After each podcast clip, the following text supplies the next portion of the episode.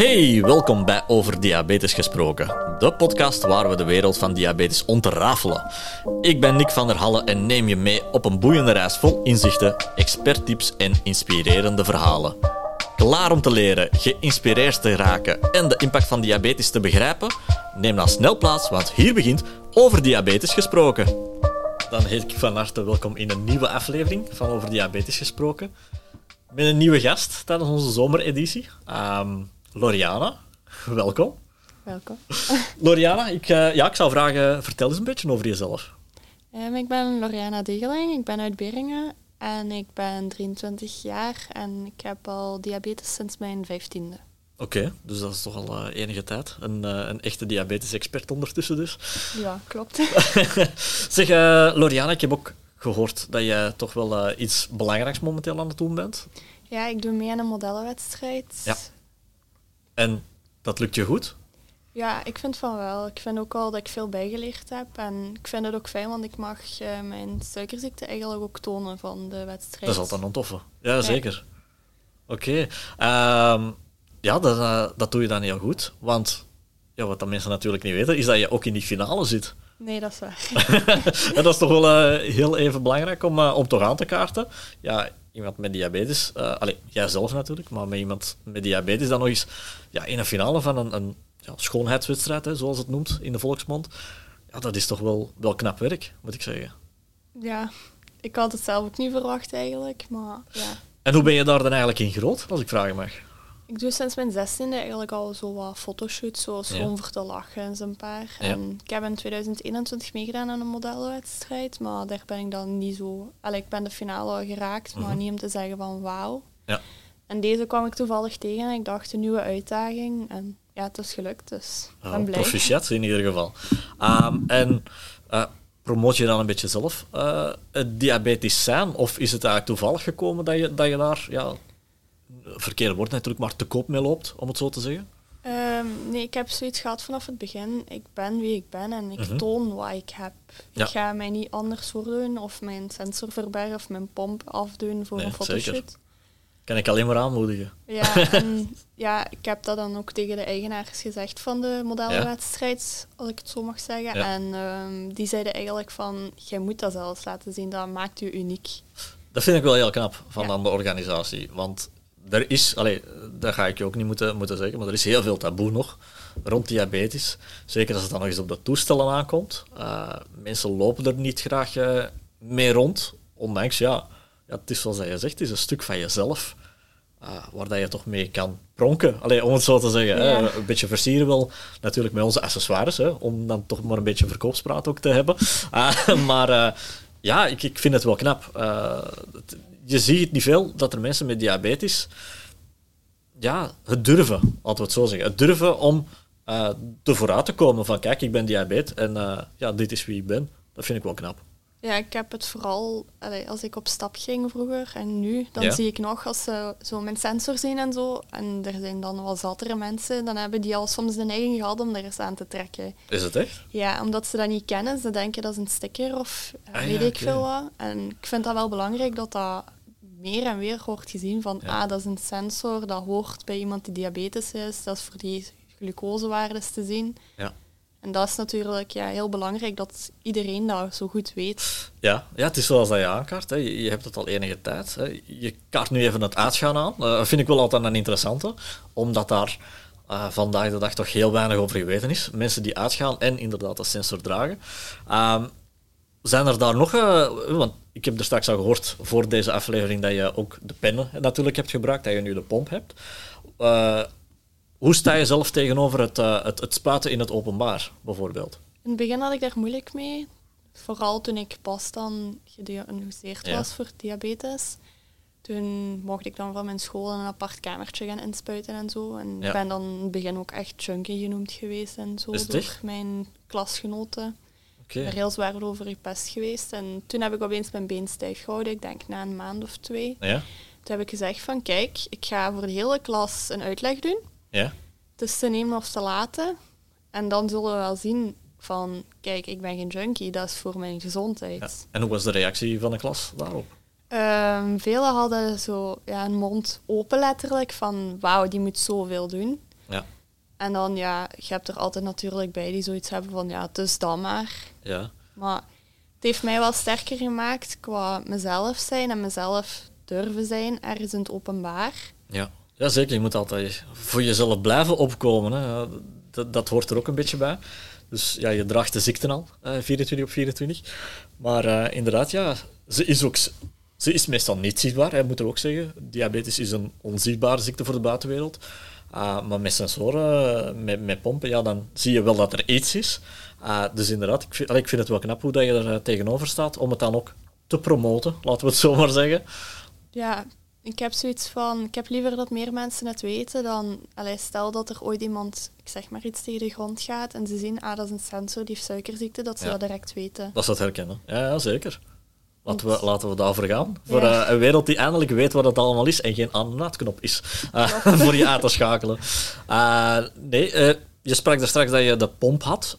kan je vertellen welke pomp je juist hebt?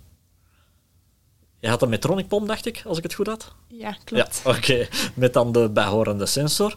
Um, je sprak ook dat je het spuiten had. Zeg nu eens heel even gewoon aan de luisteraars, wat is voor jou het verschil tussen het spuiten, de tijd met het spuiten, en de pomp? Ik had zoiets van, toen ik dan het middelbaar zat en zo, had ik dan ook spuiten. En ik heb dan ook heel even de pomp gehad. Maar de pomp werkte toen nog niet voor mij, omdat ja. ik toen denk ik ook nog niet zo het stukje loslaten kon van ja, tonen, toch voor die pomp te tonen en met kleding en al. Ja. En nu in het begin had ik dan daar ook wel moeite mee, maar nu vind ik het veel fijner. Ik vond spuiten ook wel leuk, maar ik vind dat mijn pomp mij iets meer vrijheid geeft. Oké, ja, dat is wel knap om te horen. Uh, nu om heel even terug te komen, want er schiet me net iets te binnen. Uh, je zei vanaf je vijftiende dat je de diagnose hebt gekregen. Dus ja, je kent nog een heel leven voor diagnose en een leven na. Uh, hoe waren de reactie van je omgeving toen je die diagnose kreeg op 15-jarige leeftijd? Um, ja, mama en papa die dachten eigenlijk dat ik anorexia had. En daar waren wij naar de dokter geweest. Natuurlijk op 1 september was dat natuurlijk. Dus ja. die datum vergeet ik nooit meer. Nee, dat zal. En ja, de dokter zei van, is suikerziekte dan. En ja, ik begon te wenen, maar ik had toch wel zoiets van, oké, het is suikerziekte, het is geen kanker, ik kan ermee leven. En er zijn genoeg dingen wat er tegenwoordig voor bestaan. Mm klopt. En ja, mijn oma had dan wel type 2. Ja. En was het daarmee dat je het een beetje vergeleek met type 2? Of was het echt, ja, je merkte wel dat het iets helemaal compleet anders was? Ja, ik heb mijn oma nooit echt gekend, want ze was vijf jaar toen ik stierf. Ah, ja, Maar ik weet wel zo ja, dat ze moest vingerprikken en zo, want dat wou ik als kindje dan ook altijd eens laten doen, want ja, dat leek wel stoer. maar, Vind je dat nu nog altijd stoer? dat is een gewoonte voor mij. Maar hoeveel mensen daar nog bang van hebben, dat vind ik wel grappig soms. Ja, er is uh, inderdaad een groot verschil tussen mensen die het ja, dagelijks moeten doen, uh, of, of wekelijks tegenwoordig uh, met de sensoren. maar inderdaad, er zit daar wel een grote ja, naaldangst in bij veel mensen. Dus, dat merk je toch wel. Het is, het is zeker niet voor iedereen weggelegd.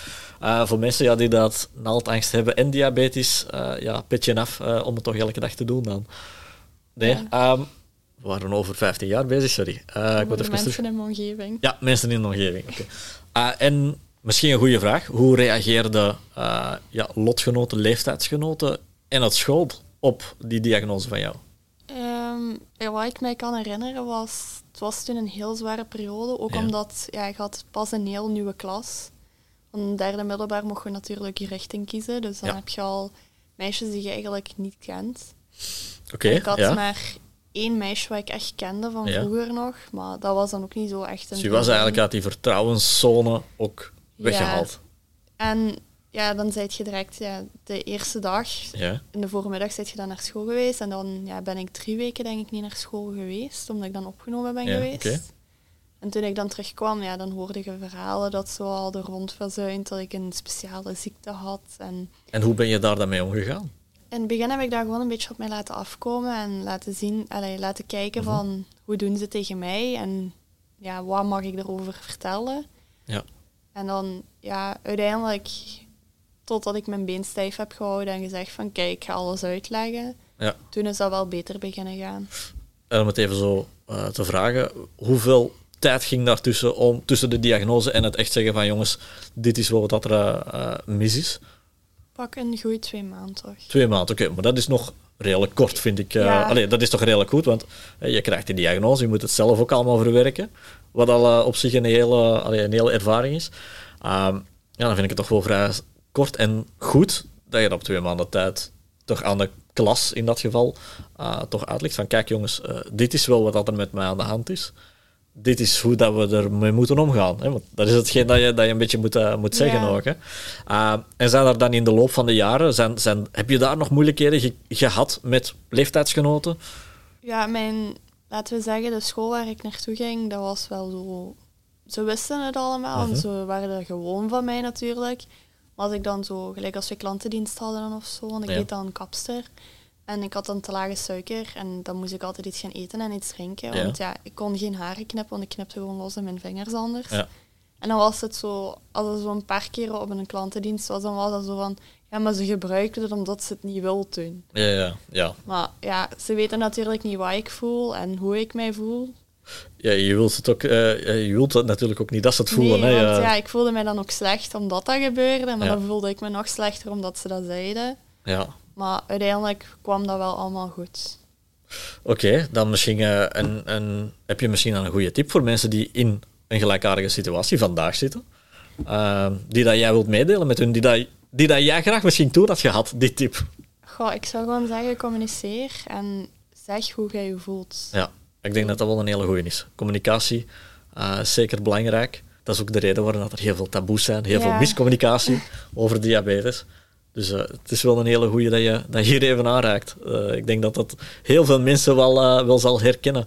Dat ja, communicatie wel heel belangrijk is op dat ja, vlak. Zeker. Allee, dat zie ik nog in het dagelijks leven. Van, gelijk als ik een nieuwe werkgever heb of ik ga ergens naartoe met andere vrienden die nog niet alleen met mij weg zijn geweest en mijn vrienden zijn er niet bij of iemand die mij al kent. Dan zeg ik van kijk, dit en dit en dit moet je doen en dit en dit en dit kan gebeuren. Maar als je dat niet doet en stel ze zeggen wel, het is 1 op de 10 dat het kan mhm. gebeuren, maar als het die 1 op de 10 dan is, ja, dan staan ze daar van, um, wat moeten wij doen? Ja, ja, zeker, dus zeker. ja, ik heb zo liever, ik ben altijd zo iemand geweest van, in het begin had ik daar ook moeite mee, dat ik zo het verlegen, stille meisje daardoor was. Maar door de jaren heen ben ik er eigenlijk zo ja, volmondig voor geworden en gewoon gezegd van, kijk, dit heb ik, dit moet je doen. En ja, zo ben ik verder gegaan en hebben ze ook mij rapper geaccepteerd van, kijk, ze heeft dat, we weten wat we moeten doen. Van in het begin zag ik ook zo, toen ik pas suikerziekte had, dat mijn vrienden zo niet met mij, ik zeg maar iets naar Hasselt wouden gaan of de stad of iets. Of naar Een beetje door, door de angst dat er moest er iets gebeuren. Ja, en nu ik merk, omdat ik dat allemaal uitleg, dan is dat gewoon zo van, ah ja, oké, dat is geen probleem. En dan... het, is, het is aanvaard, laten we het zo zeggen. Allee, aanvaard. Aanvaard is het verkeerde woord natuurlijk, uh, maar ze weten ondertussen wat ze ermee moeten doen. Want ja, het is iets jij moet ermee leven. Maar het is heel je omgeving natuurlijk hè, die, die er uh, mee leeft. Ja, dat is ook. Dus uh, ja, ik, ik begrijp zeker wat, uh, wat dat je allemaal hier zegt. ik denk heel veel mensen dat dat wel ja, echt, echt gaan herkennen. dat is echt een problematiek, en zeker. Ik weet hoe moeilijk het is om tijdens de puberjaren de diagnose te krijgen. Ik heb al heel veel verhalen gehoord van mensen daarover. dus ik vind wel, en dat moet ik wel zeggen, dat je redelijk sterk in je schoenen stond.